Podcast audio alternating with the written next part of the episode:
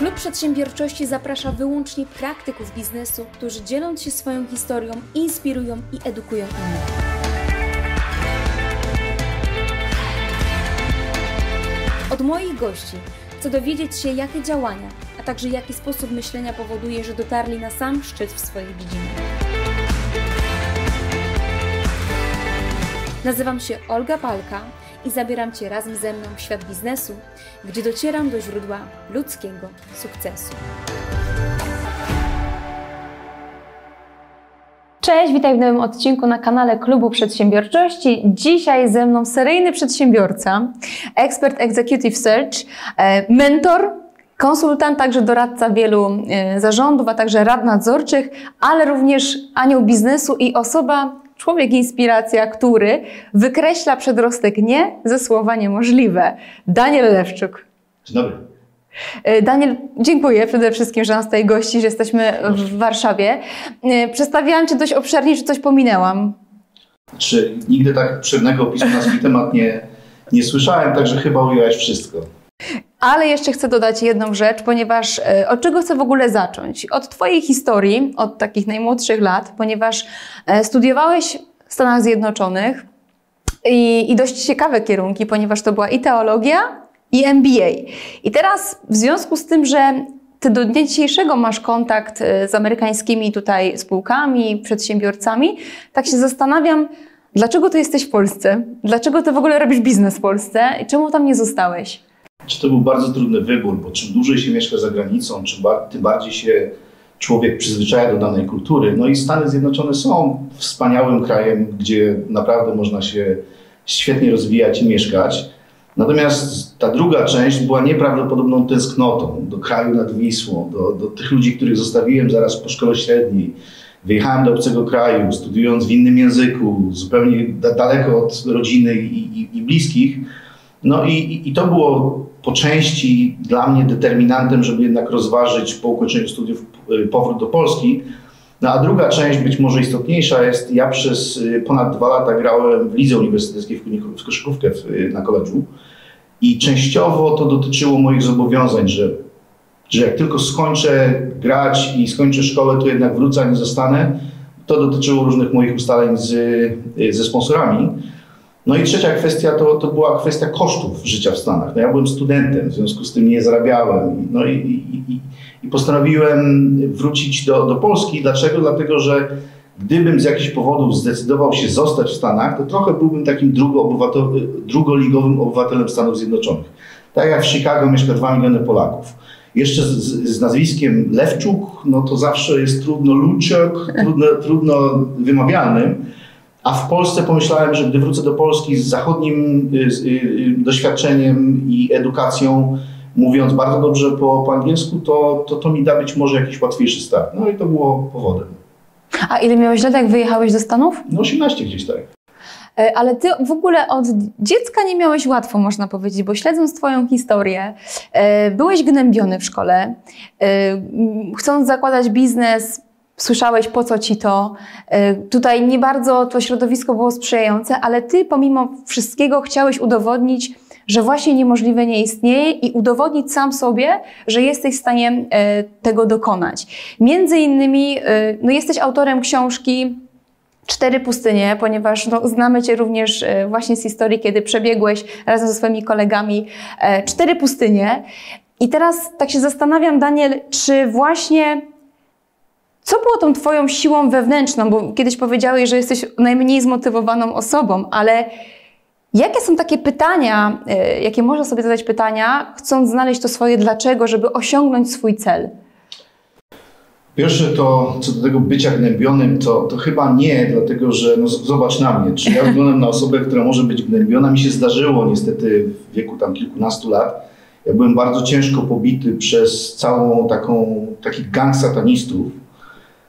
Nie tylko ja, ale moich dwóch kolegów. Kilka, dwie dziewczyny zostały też bardzo skrzywdzone. My żeśmy wylądowali na, w głównych wiadomościach chyba Teleekspresu wtedy.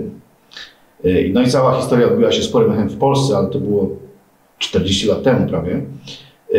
Natomiast mając kilkanaście lat, y, troszkę odpowiadając i skracając Twoje pytanie, czy nastąpił w moim życiu taki moment, który był właśnie tym napędem, to było to, że ja sobie zdałem sprawę, że moi rodzice, którzy przeżyli ze sobą 53 lata, dali mi bardzo wiele rzeczy, których często świat i moi koledzy nie otrzymywali. Czy ja dostawałem bezpieczny, ja, ja dostałem bezpieczny dom i w takim się wychowałem. W domu z tradycjami chrześcijańskimi, gdzie nie było, nie wiem, alkoholu, papierosów, przemocy, zdrad i tak dalej. Także dostałem świetną bazę i to dotyczyło mojego takiego chyba poczucia bezpieczeństwa emocjonalnego. Natomiast to, z czego sobie zdałem sprawę, to, że zbyt wiele y, od rodziców nie będę w stanie odziedziczyć.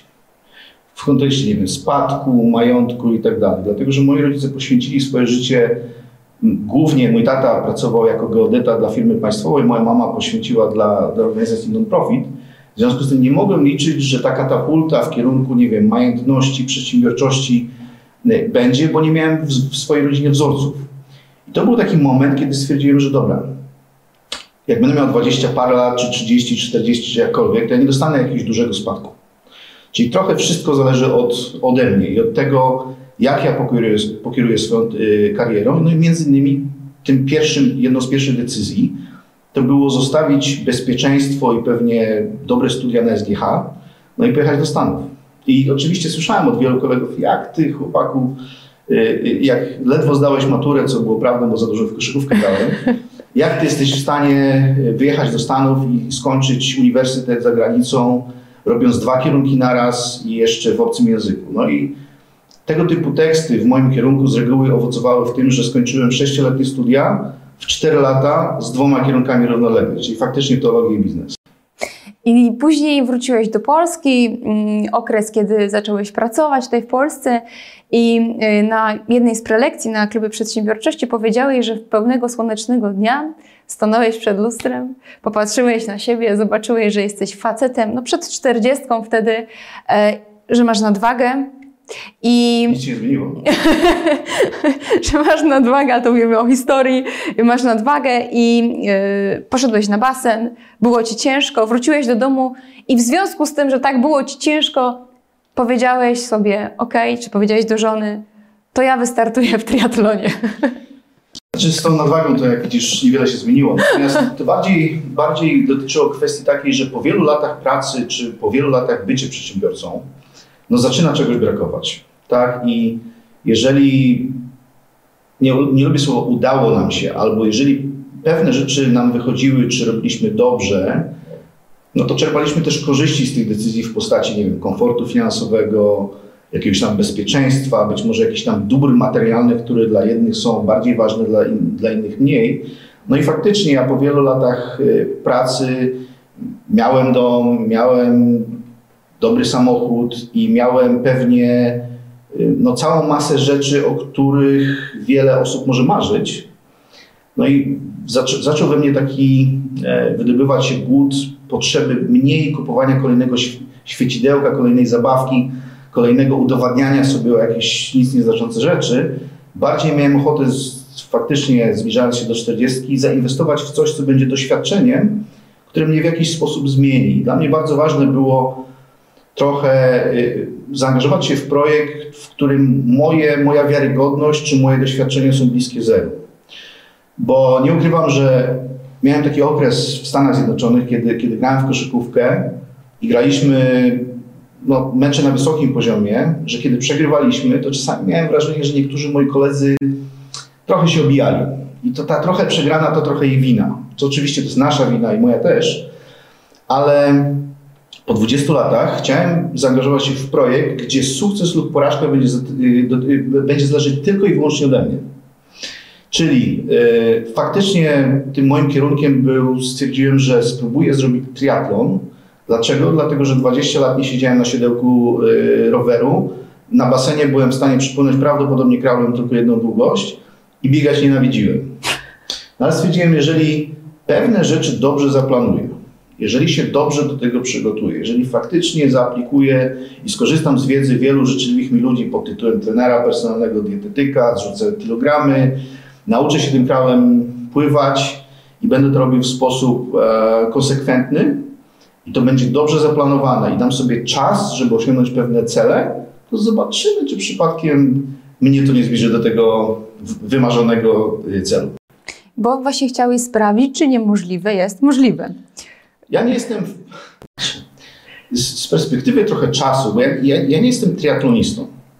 Tak samo jak, jak widać z tym sportem, to czasami jest bardzo intensywnie, a czasami w ogóle jakoś tak nie mogę tego wypośrodkować, ale ja lubię bardzo duże wyzwania.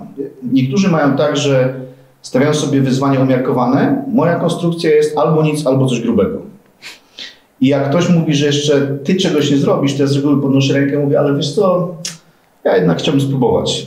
Zobaczymy, czy mi wyjdzie, ale chcę spróbować. Dlatego y, przez ostatnie kilka faktycznie lat, i to się zaczęło od, od, od pustyń, później od ukończenia Ironmana i później jeszcze kilka innych rzeczy, staram się stawiać sobie wyzwania, które w jakiś sposób mnie czegoś nauczą. Tak? I, I najchętniej w takich obszarach, gdzie mam niewielkie doświadczenie. To się zaczęło w 2014 roku. Później pojechałem na Kostaryce najtrudniejsze MTB na świecie. Polegało to na wjechaniu w 3 dni 250 km na 9000 metrów do góry, czyli de facto wjechaliśmy na Monteverest na rowerach w 3 dni. No a ostatnie doświadczenia są w ogóle już poza takim sportowym, bo zaprzyjaźniłem się z kilkoma operatorami byłymi gromu i znowu doświadczenia z tymi facetami to jest kompletnie inny świat. Przy okazji tych doświadczeń jeszcze zaangażowałeś się charytatywnie, no bo ten wasz bieg, e, ultramaraton, czyli właśnie cztery pustynie, był poniekąd powiązany również z pomocą e, dziecku, tak? tak? I skąd teraz, powiedz mi, bo chciałeś coś sobie udowodnić, chciałeś coś sprawdzić, to skąd nagle u biznesmena, u, u osoby, która jest y, bardzo proaktywna, taki pomysł, żeby a to ja jeszcze dorzucę cegiełkę i komuś pomogę? Pierwsza sprawa, co było akurat, co mnie bolało, to było to, że a skoro wy jesteście takimi biznesmenami, za którymi się uważacie, to powinniście zasponsorować taką akcję w ogóle z kieszeni. I to jest prawda, mogliśmy, ale też mogliśmy nie zrobić nic. Natomiast my żeśmy postanowili yy, po części zrealizować projekt charytatywny po to, żeby w sposób namacalny pomóc. Dwa, po to, żeby zaangażować większą grupę ludzi w zaangażowanie się w nasz projekt de facto, który miał na celu pomóc Blance i zrobiło to 860 chyba 8 osób, bo my żeśmy ten projekt Czterech Pustyń sfinalizowali w 100% z własnej kieszeni. E, I wierząc, że po pierwsze Blanka wyjdzie ze wszystkich swoich y, wtedy mm, takich niemowlęcych y, ograniczeń, bo ona się urodziła bardzo wcześnie, a po drugie będzie to inspiracją właśnie dla wielu, wielu rodzin, którzy, które zmagają się na co dzień z tym, że to, co wydaje się niemożliwe, być może jest osiągalne, ale będzie to wymagać jakiejś, jakiejś determinacji i wysiłku. Natomiast angażowanie się w działania charytatywne jest mi bliskie od kiedy jestem przedsiębiorcą.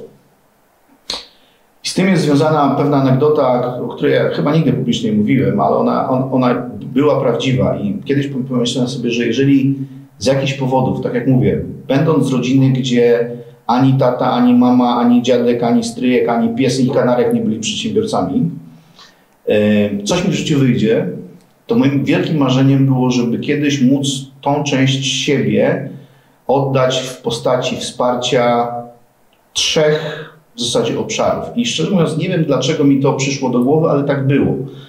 Po 20 paru lat, po, po 16 latach przedsiębiorczości nadal się zastanawiam, skąd mi to do głowy przyszło, ale moim marzeniem było wesprzeć w jakimś stopniu Kościół. Ja nie mówię tutaj o organizacji, bardziej mówię o miejscu, gdzie się dobre rzeczy dzieją, i tutaj wiadomo, że w naszym kraju są lepsze miejsca, gorsze miejsca, nie wchodźmy w to, albo to jest dom spokojnej starości, bo, bo tego typu miejsca yy, pozwalają starszym osobom odchodzić godnie, albo to będzie szpital lub jakaś tego typu organizacja, która przywraca ludziom zdrowie.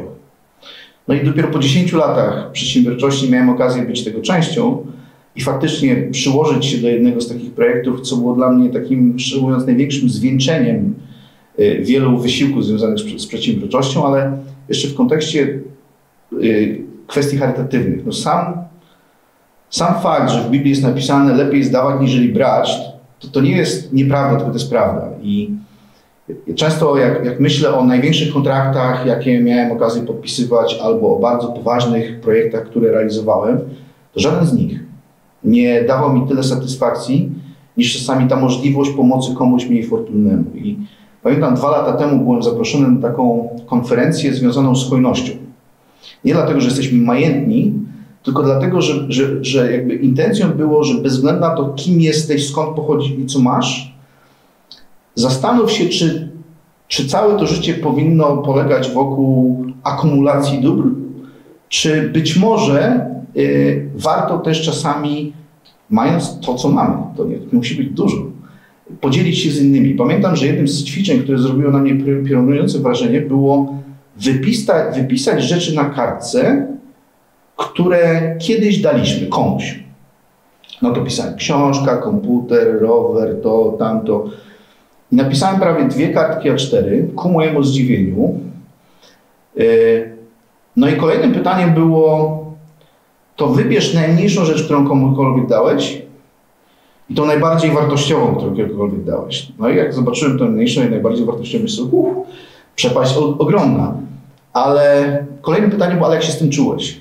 Pomyślałem sobie, że bez względu na to, czy to była niewielka rzecz, czy to była ogromna rzecz, wspólnym mianownikiem było to poczucie absolutnej satysfakcji, takiej wewnętrznej radości i takiej wdzięczności, że w ogóle mogłem to zrobić. Tak? No i jakoś tak się to we mnie pielęgnuje. Zresztą mojej świętej pamięci mama kiedyś powiedziała zdanie, już w szpitalu będąc, które które zrobiło na mnie spore wrażenie, bo ja nie słyszałem od mamy zbyt wielu takich pozytywnych, y, nie wiem, afirmacji czy rzeczy. Moja mama była dosyć surowa wobec mnie i nie tylko, ale powiedziała, że synu, ty masz ogromną radość dawania. No i ona to chyba jakoś to dobrze zsumowała, bo faktycznie tym drive'em czy, czy tym wewnętrznym napędem, który ja mam w biznesie, by wygenerować na przykład roczny zysk, jest to, żeby część tego zysku później móc przeznaczyć na cel charytatywny.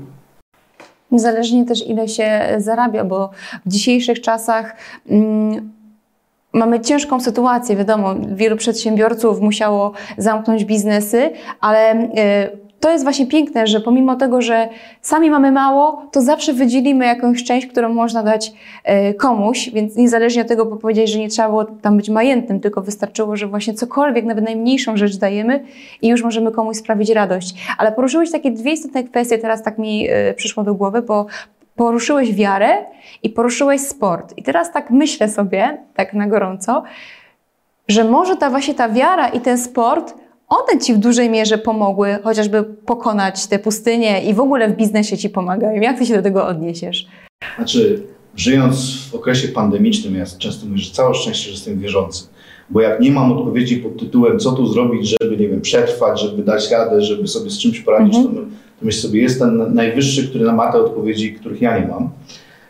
Natomiast jeśli chodzi o wiarę i sport, no to, to miałem taki moment, zresztą na pustyniach, kiedy na przykład dziennikarze pytali się mnie, no dobra, 250 km w piekielnie trudnych warunkach, 7 dni, 14 kg sprzętu na plecach. Jak to jest w ogóle możliwe, żeby taki wielki gość jak, jak ty przebiegł taki, taki dystans w, w tak trudnych warunkach? No i ja oczywiście się dobrze do tego przygotowałem, w sensie takim, że ja na przykład przez rok w trakcie przygotowań nie byłem w windzie.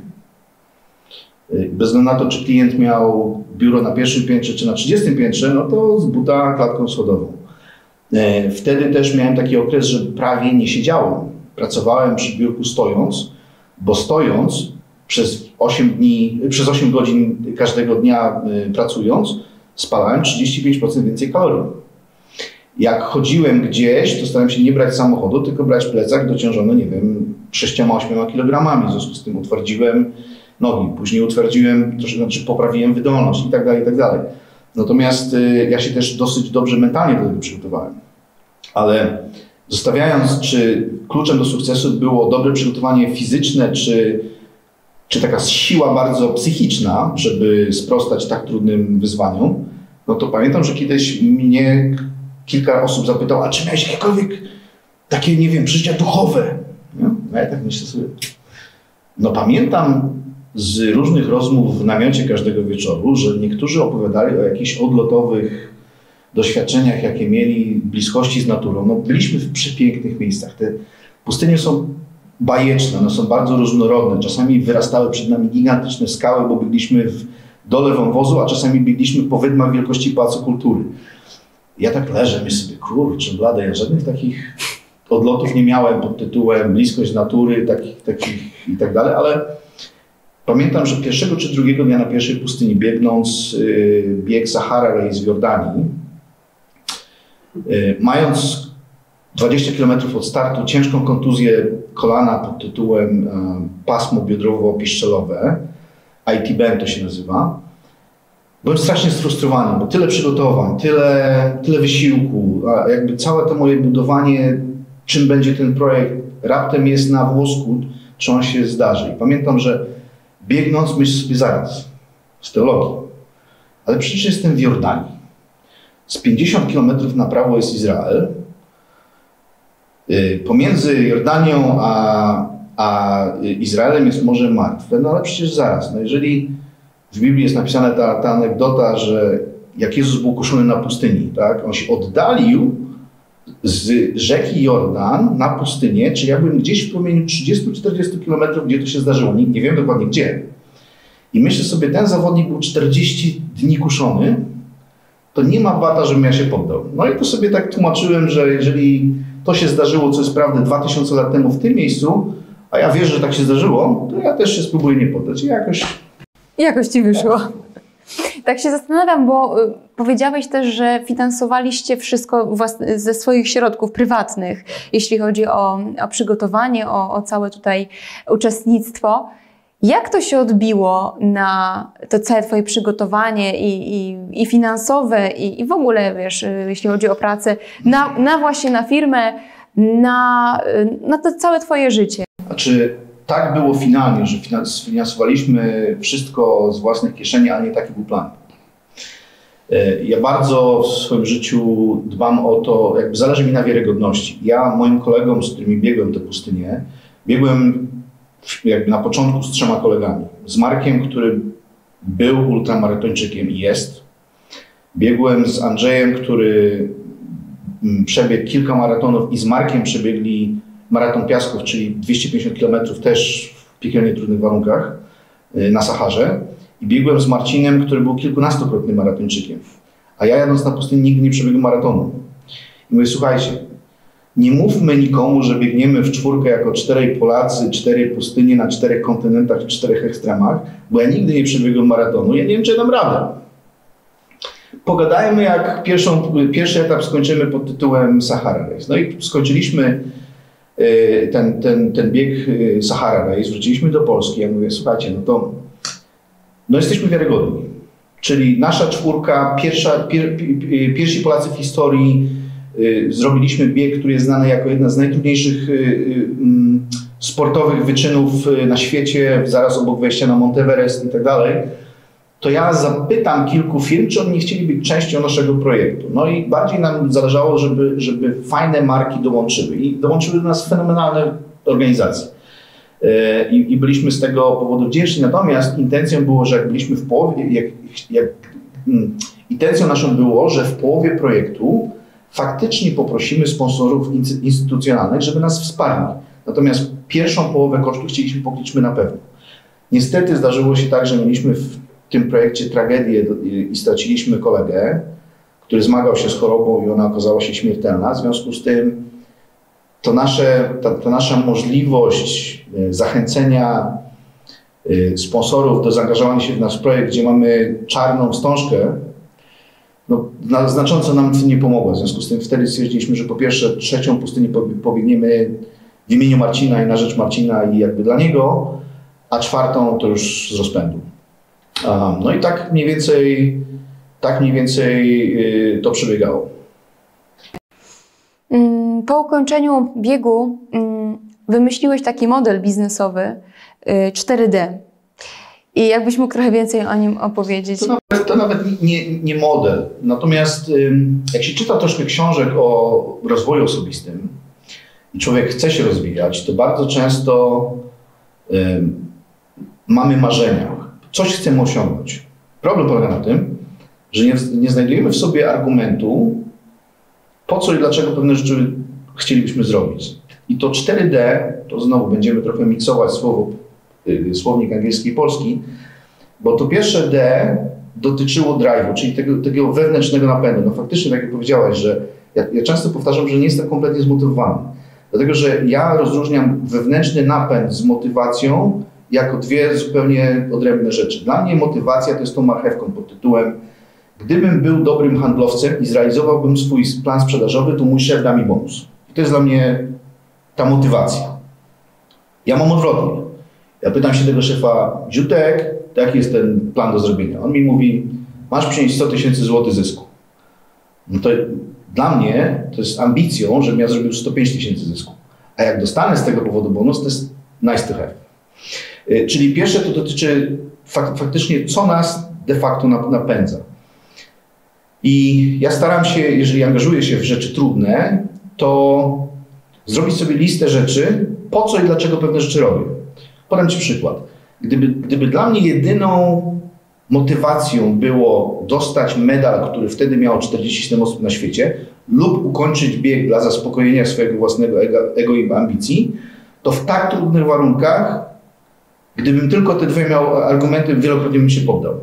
Ja tych argumentów miałem dużo więcej pod tytułem, co pomyśli o mnie rodzina, jak, y, jak na to patrzą moi siostrzeńcy w kontekście przykładu wujka, który robi coś takiego niesamowitego. Zbieramy kasę na Blankę, która tej pomocy potrzebuje. 800 ilość osób powiedziało, jesteście szaleńcami, wariatami, ale chcemy to wesprzeć. W związku z tym, co ja im powiem, jak zrezygnuję. I tego typu rzeczy są bardzo pomocne później w realizacji bardzo trudnych rzeczy. Także taki, w taki sposób to trochę, trochę działa. Czyli pierwszym tym D jest drive. Drive. Drugim D jest determinacja. No bo bardzo często e, przychodzi moment, kiedy jest ciężko, przychodzi ta ściana. E, w związku z tym, na ile masz sobie tą determinację, żeby pomimo przeciwności, losu, zdarzeń, nieprzychylności ludzi, pesymistów, znaleźć w sobie to coś, co jednak pchniecie do przodu, czyli ta determinacja. Ja często mówię, no ale jaki jest klucz sukcesu tego słowa? Nie? Ja mówię, na koniec dnia to jest dosyć prosta sprawa. Jak bardzo tego chcesz? Koniec trochę.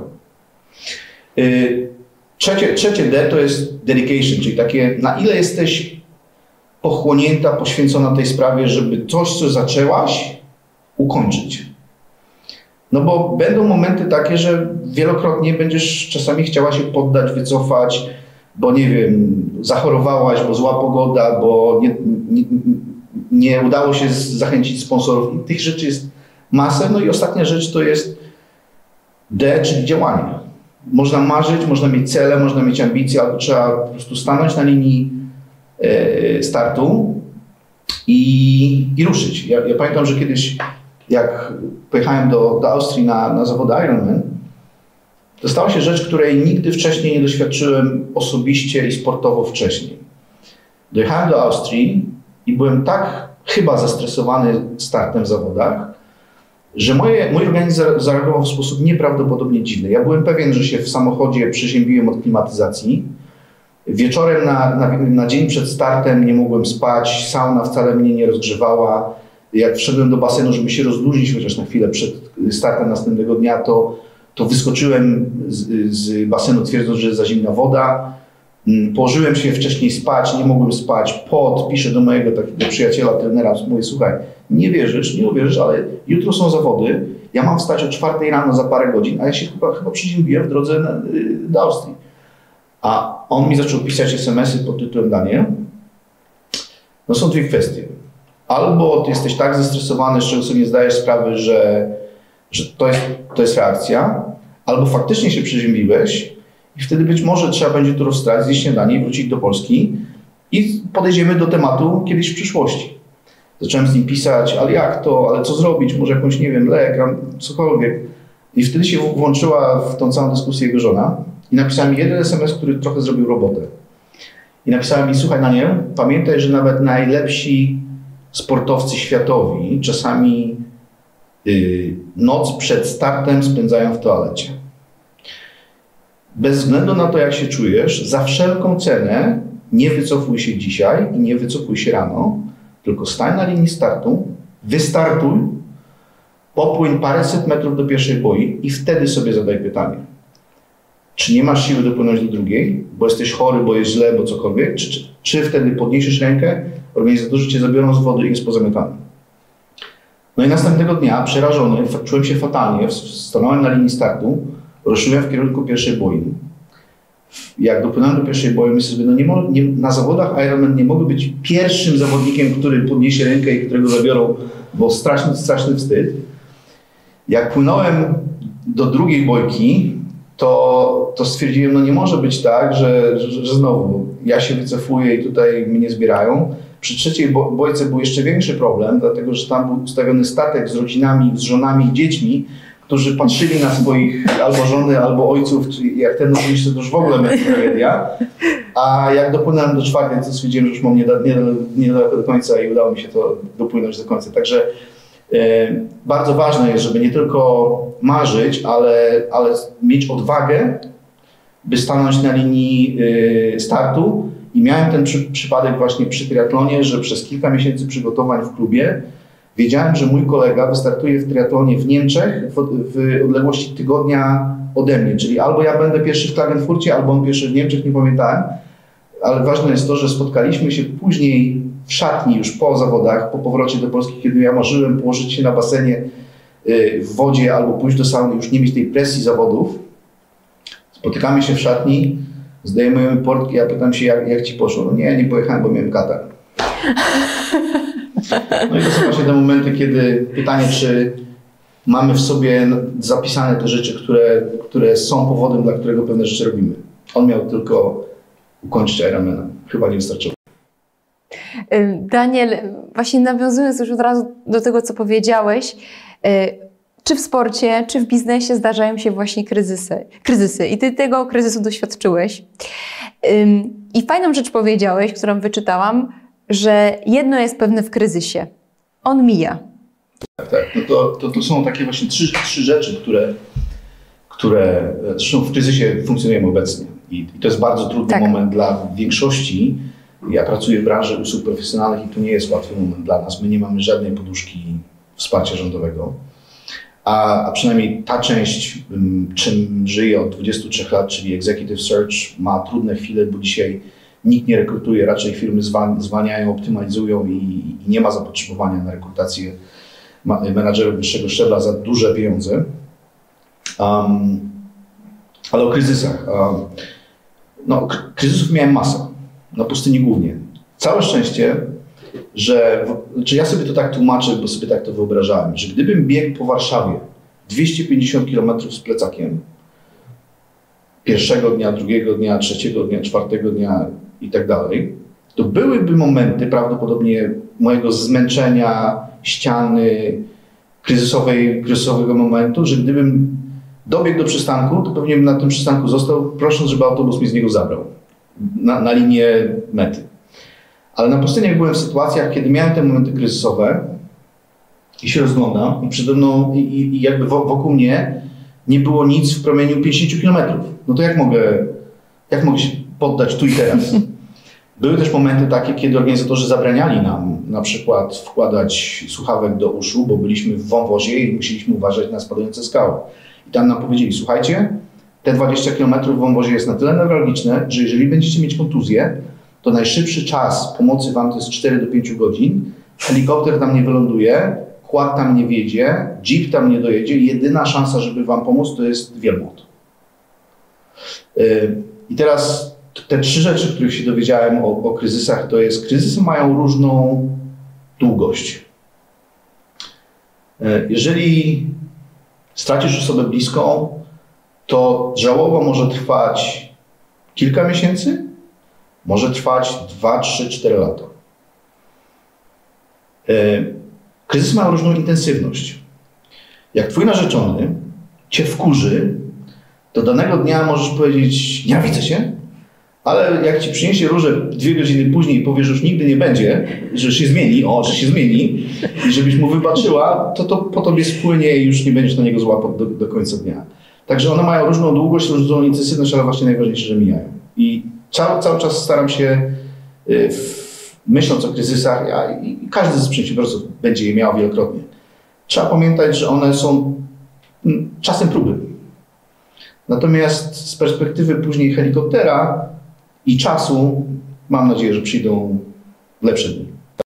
I po kryzysie następuje takie uczucie, jakim jest wdzięczność.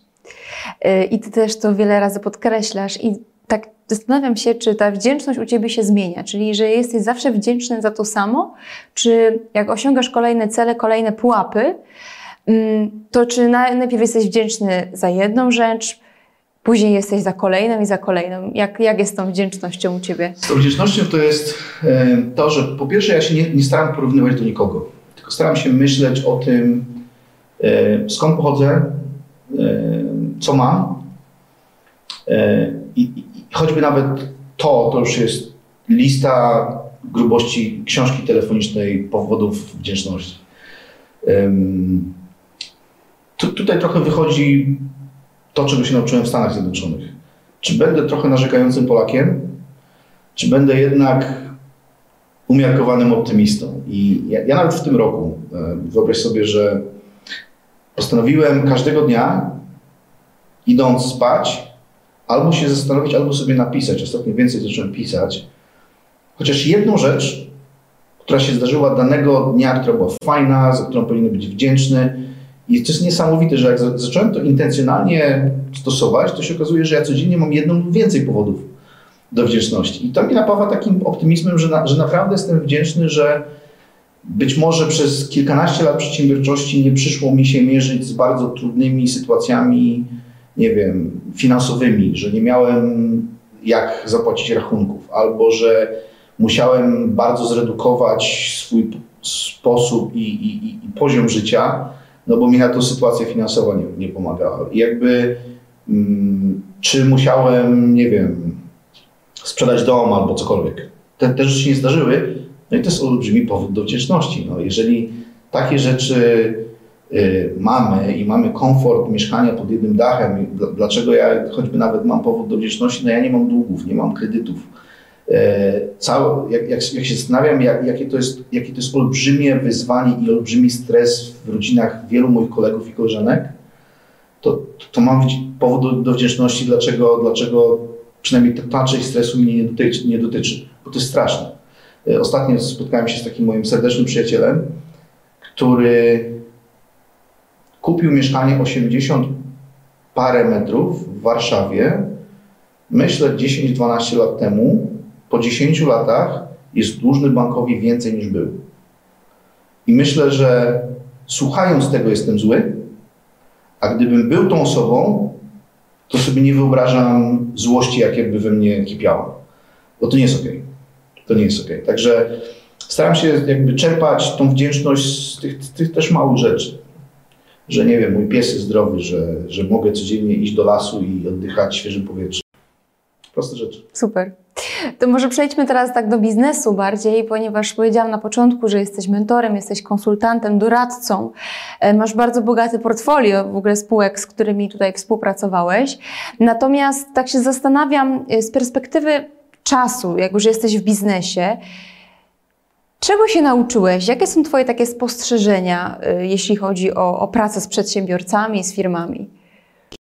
Pierwsza część to jest y, błędy, które popełniłem i lekcje, które powinienem z nich wyciągnąć, e, głównie związane z czymś, co się nazywa odroczona gratyfikacja. Ja, ja niestety popełniłem błąd na samym początku um, swojej kariery przedsiębiorczości, że po rok od startu pierwszego swojego biznesu no, kupiłem bardzo dobry samochód.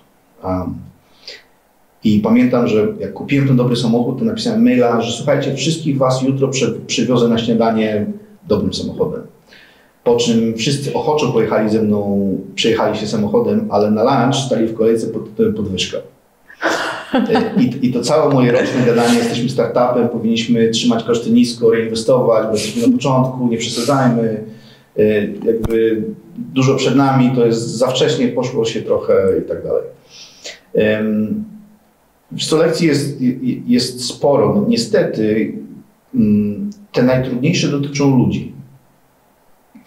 Nie czy straciliśmy kontrakt, nie czy coś nam wyszło lub nie wyszło. Jakby naj, naj, największym z mojej perspektywy wyzwaniem to było na przykład musieć się z kimś rozstać. albo kiedy zostałem w sposób jawny oszukany. Mam na to absolutne kwity.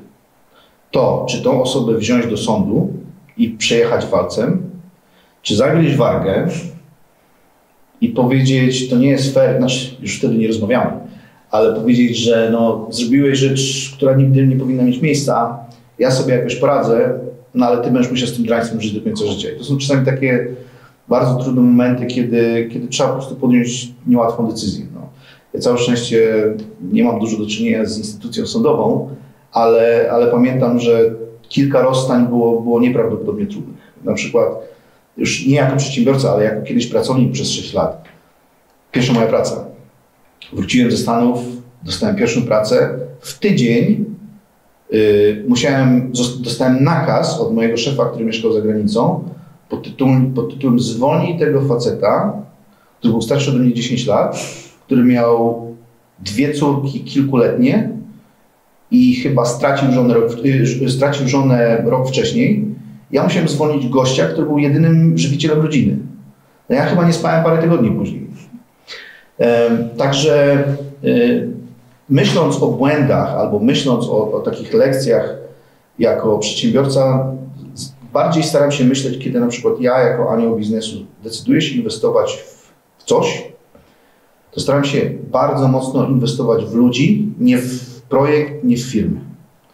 Dlatego, że no to jest stara taka zasada aniołowa, to jest czy zaje, fajna, zaje fajny zespół średni produkt, czy zaje fajny produkt średni zespół. I ja zawsze zainwestuję w zaje fajny zespół, który poprawi produkt. Odwrotnie to nie zadziała. Patrzę na wartości.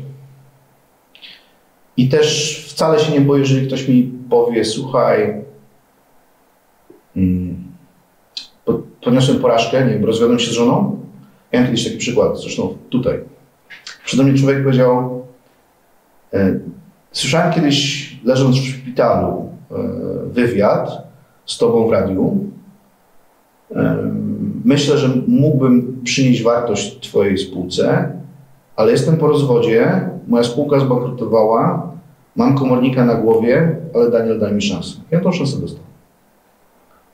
Super. Także jakby nie ma co generalizować.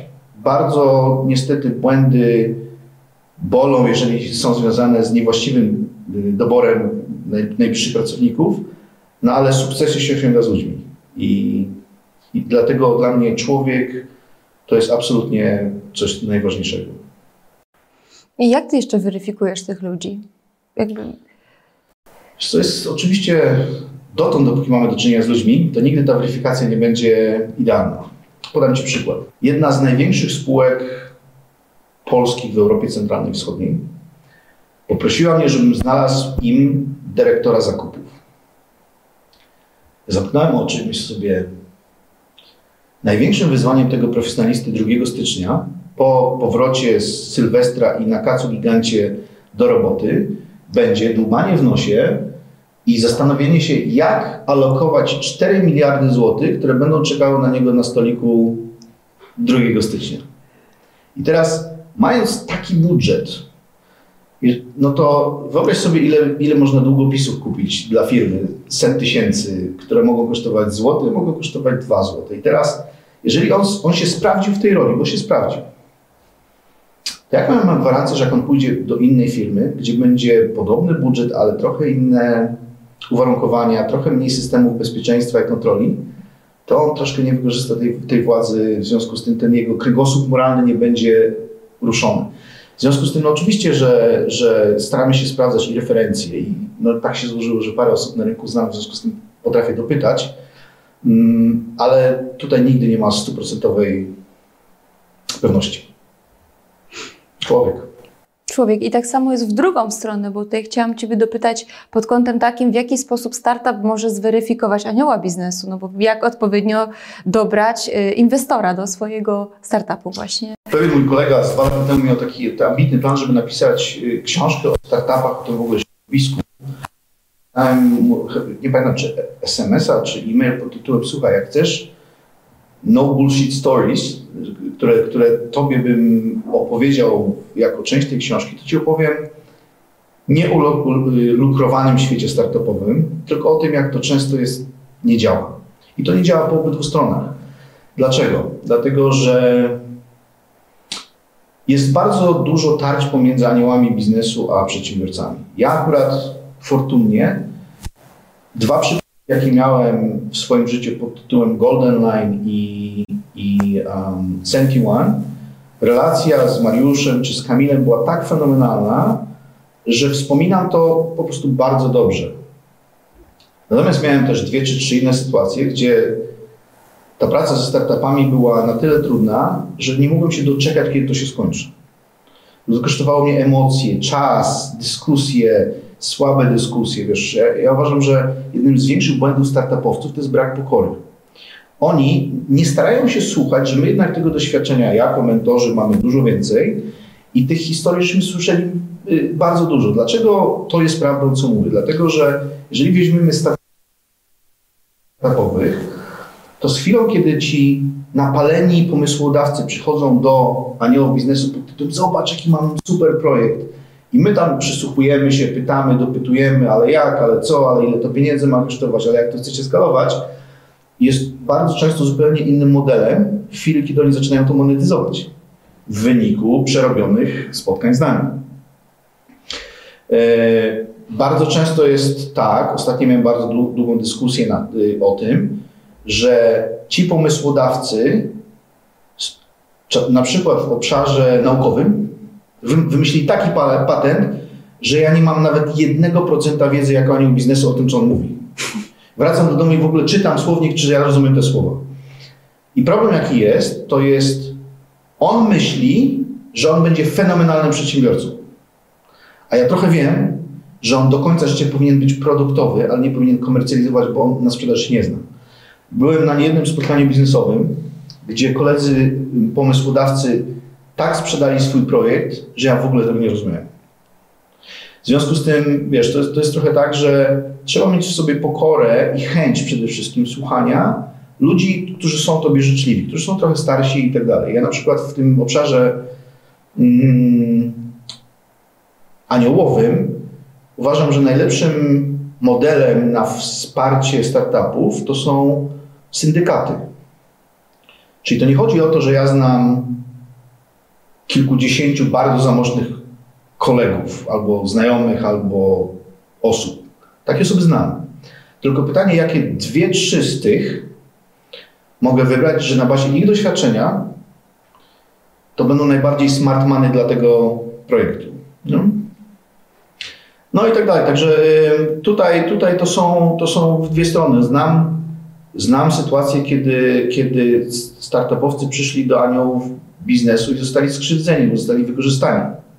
Bo po prostu oni mieli dużo więcej, dużo więcej doświadczenia, mieli bardziej taki profil rekinowy pod tytułem wykorzystać tą sytuację, oni jeszcze mają wiedzę, skomercjalizować, sprzedać trudno, poszło, zarobiłem, versus faktycznie przeznaczyć część swojego prywatnego kapitału i zamiast wykorzystać na podróże po całym świecie z drugą połówką albo cokolwiek, jednak ten kapitał zainwestować w, w rokujących młodych ludzi, ale im przede wszystkim pomóc, otwierać drzwi, czyli taki smart money. Co znaczy smart money? To nie znaczy tylko kapitał, ale usiąść z nimi, mm, przedyskutować te modele biznesowe, zadzwonić do kilku osób, które znamy na rynku pod tytułem co myślisz, żeby zweryfikować te pomysły, a później otworzyć drzwi wśród klientów, być może będą szukać tego rozwiązania czy ty też właśnie zostałeś uznany, wyróżniony jako jeden z najlepszych 40 aniołów e, biznesu. Ale to, co powiedziałeś, no anioł biznesu, takim ogólnym zamysłem jest to, że anioł wchodzi, daje kapitał, daje swoje know-how, ale wchodzi z, myśl, z taką wizją wyjścia, tak? czyli w którymś momencie odcina tę pępowinę i startup zostaje sam. I tak się zastanawiam, czy jako młody startup, który powiedzmy ma tę pokorę na początku, jest taki chętny zdobywania wiedzy, chce słuchać y, swojego anioła biznesu, jak się, czy w ogóle można się uchronić przed tym, żeby nie zostać wykorzystanym jako startup? Że to jest trudne. Po pierwsze ta lista, co do której referujesz, cieszę się, że była stworzona alfabetycznie, bo byłem w szoku. Bo gdyby była stworzona kompetencyjnie, to by miał 39 lepszych od siebie aniołów biznesu, tam niektóre osoby są bardzo doświadczone i my się oczywiście znamy i lubimy. Nie, nie wiem dlaczego ja się znalazłem na tej liście, bo to nie jest to, co ja robię. To nie jest to, czym się zajmuję. E, inwestowanie w spółki na wczesnym etapie rozwoju to jest okazja, która czasami się zdarza, a ja bardzo lubię to, ten cytat y, y, Richarda Bransona, czyli twórcy Virgin, który powiedział kiedyś zdanie, które jest dla mnie inspiracją od lat, od lat. Powiedział, jeżeli zdarzy ci się okazja, a ty nie jesteś pewna, czy ci uda, czy to jest dobry moment, czy to jest dobry czas, czy jesteś właściwą osobą, to na wszelki wypadek podnieś rękę i powiedz wchodzę, a później się zastanów, co musi się zdarzyć, żeby to zrobić. E, I jeżeli te okazje się zdarzają, to tak, no my, my jesteśmy po to, żeby zarobić. My nie jesteśmy po to, żeby jako aniołowie biznesu yy, angażować swój czas, życie i kapitał, żeby ćwiczyć yy, kwestie charytatywne, tylko my jesteśmy po to, żeby zarobić. No, a mamy w sobie często inny ten obszar, który dotyczy y, kwestii charytatywnych. Także staramy się w taki sposób pracować ze startupowcami, żeby oni wiedzieli, jak budować wartość, żeby wiedzieli, jak komercjalizować w Polsce i za granicą. I ja bardzo często jestem takim hamulcowym dla, dla startupowców pod tytułem, jeżeli wy jeszcze nie odpowiedzieliście sobie na wszystkie wyzwania związane z lokalnym rynkiem, to jak jesteście w stanie skalować ten biznes, który jeszcze nie jest gotowy, na rynkach, o których nie macie bladego pojęcia. W innym języku. W związku z tym, w związku z tym no ta, ta, ta relacja musi być partnerska. Czym bardziej szczera, tym lepiej. No ale nie zawsze to wychodzi, niestety. Startupy są takim hermetycznym środowiskiem i teraz Twoim zdaniem, jakie są takie kluczowe wyzwania, które właśnie dotyczą e, tego aspektu? Czy to prawda?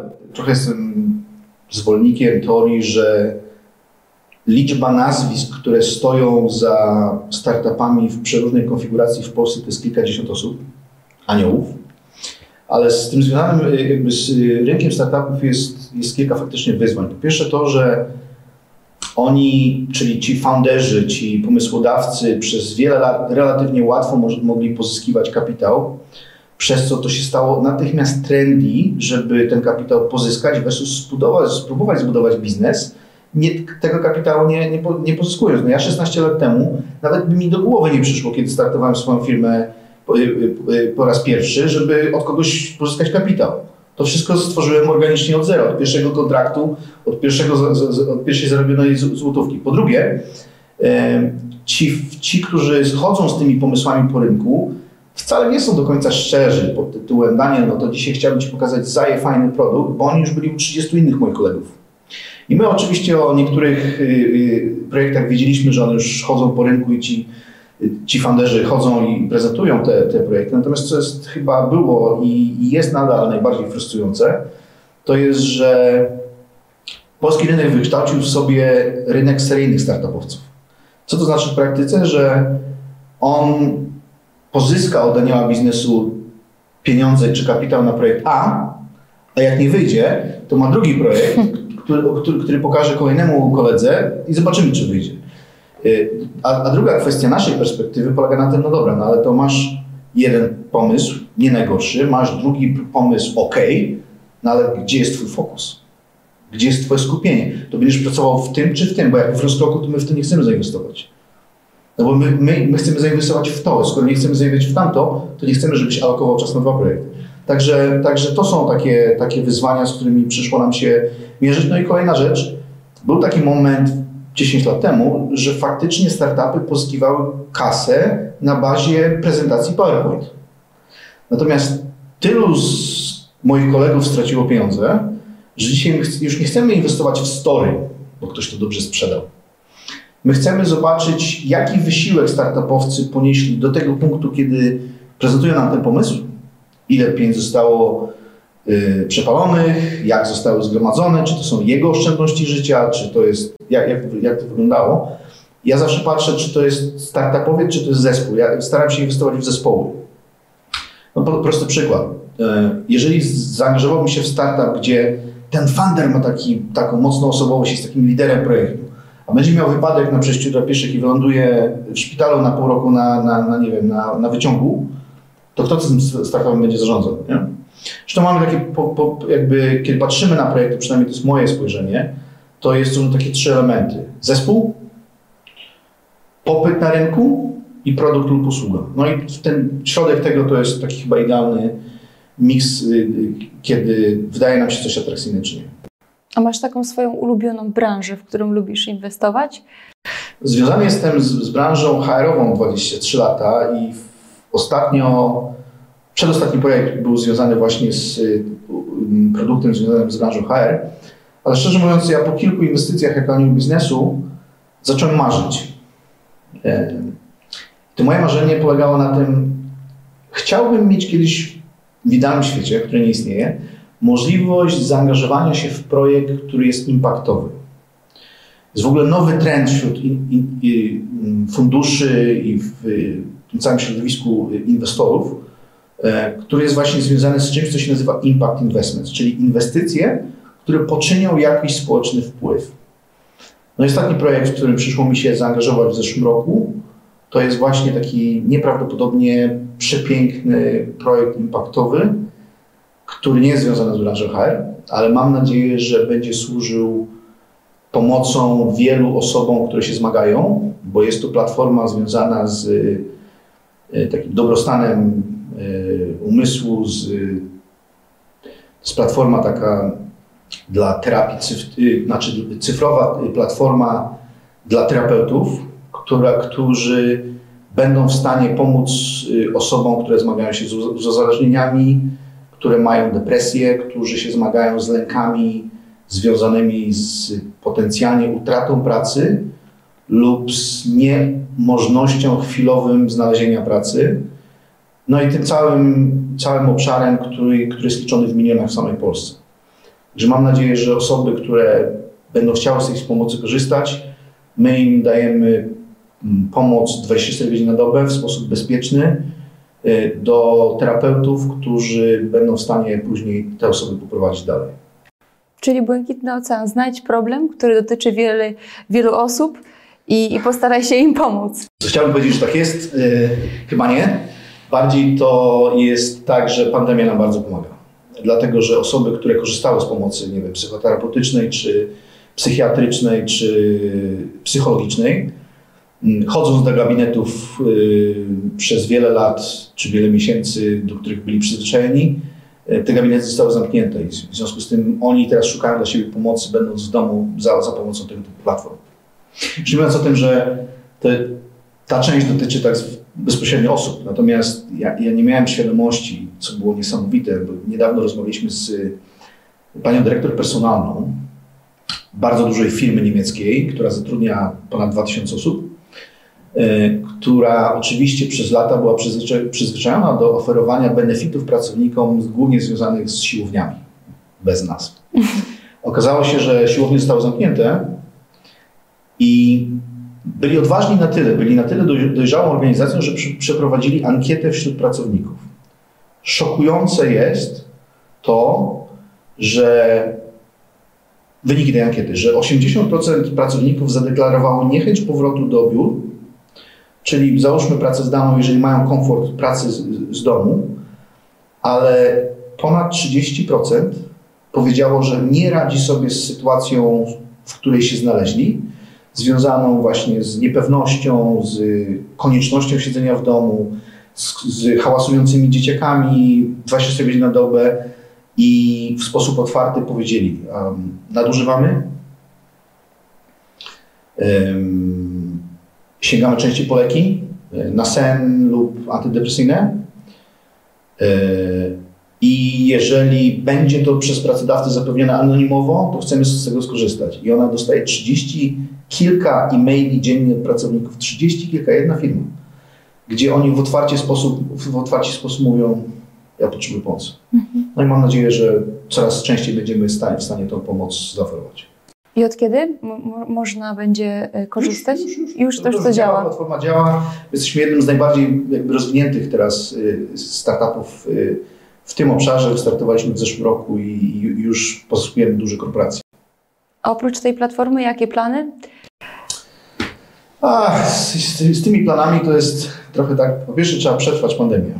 Zdrowo mam nadzieję. E, po drugie, ja mam zawsze plany w trzech wymiarach. E, biznesowym, prywatnym, czyli osobistym i, i sportowym. I, I moja bucket lista, czyli taka lista życzeniowa, ostatnio update'owałem, ma cztery strony, a cztery taką co linijkę.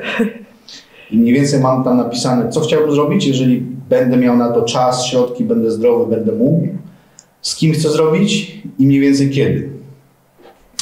E, I ponieważ jestem od zeszłego roku mężem super żony, no to akurat na wysokim mm, poziomie listy moich chęci, ambicji i marzeń to są przez kolejny rok czy dwa rzeczy niezwiązane z biznesem albo ze sportem.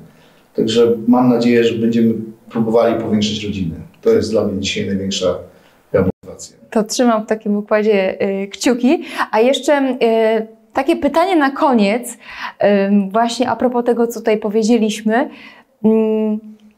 Jak zaprogramować się na bogactwo i czym to bogactwo dla Ciebie jest? To jest takie pytanie, które zawsze zadaję wszystkim moim gościom, więc one zawsze takie z zaskoczenia i ciekawa jestem w aspekcie tego wszystkiego, co powiedziałeś, i biznesowym, i prywatnym, czym dla Ciebie jest bogactwo?